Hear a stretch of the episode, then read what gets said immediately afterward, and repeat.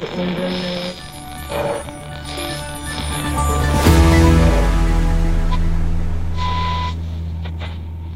och välkomna till 6 minuter, en nyhetspodd i kortformat från tidningen Arbetaren där vi kort sammanfattar den gångna veckan. Ni kan läsa oss på arbetaren.se och följ oss också gärna på Facebook.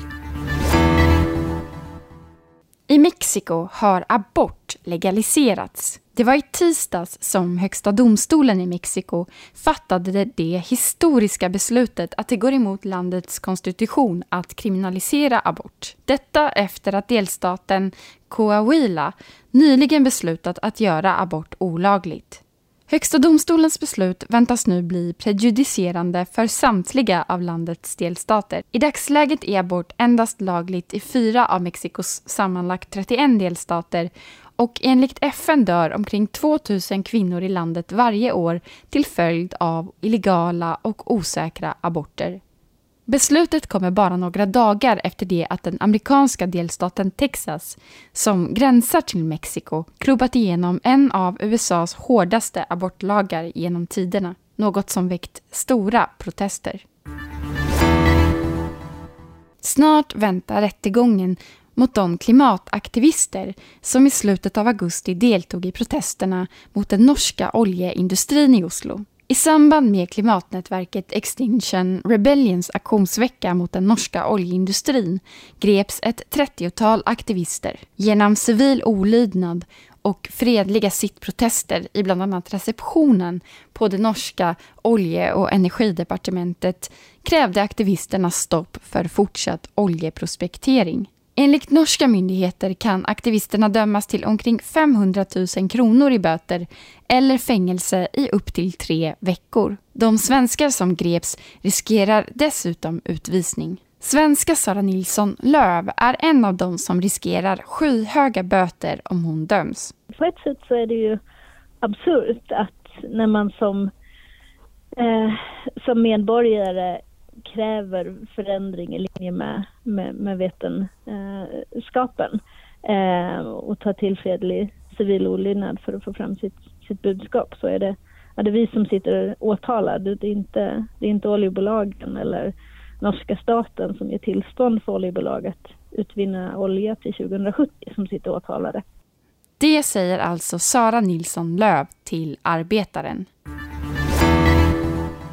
Den psykiska ohälsan bland barn och unga har ökat drastiskt sedan den senaste skolreformen 2011. En ny rapport visar att elever mår betydligt sämre än barn och ungdomar som gick i skolan innan den nya läroplanen togs i bruk. Till exempel eftersom betyg har införts redan från sjätte klass. Andra resultat från forskningen visar att utlandsfödda elever och barn med arbetarbakgrund känner sig mest främmande i skolan. Allra sämst mår flickor som ofta känner sig betydligt mer stressade i skolan idag jämfört med tidigare. Omkring 50 procent av flickorna och 31 procent av pojkarna i svenska grundskolor kände sig 2018 mycket mycket stressade. Det här är en kraftig ökning jämfört med slutet av 1990-talet då samma siffror låg på 23 respektive 19 procent.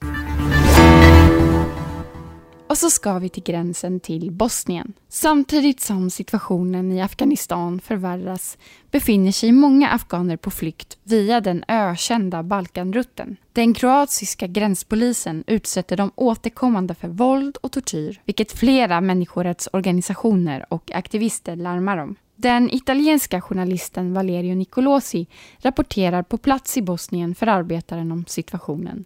Läs gärna reportaget med vittnesmålen från migranterna på arbetaren.se. Och nu över till sista ordet med Annie Hellqvist.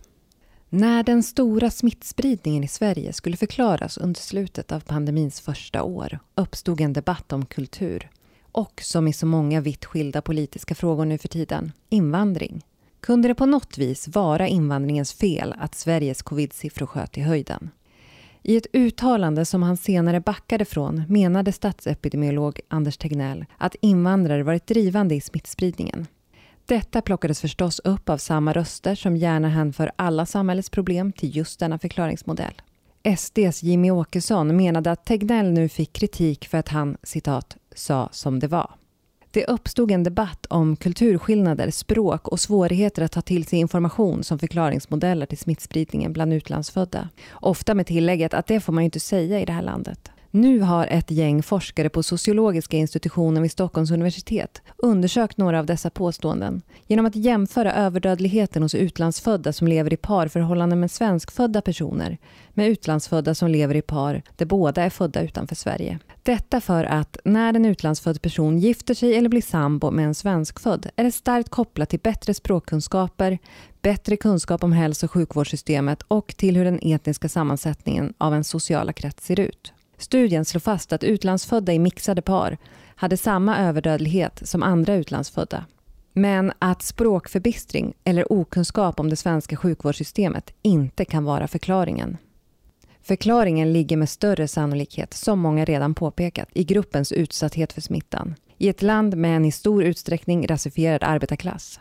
Den svenska strategin var en strategi för medelklassen som bortsåg från trångboddhet, generationsboenden, omöjligheten för majoriteten av arbetarklassen att jobba hemifrån. Smittspridningen handlade aldrig om kultur. Det handlade aldrig om invandring.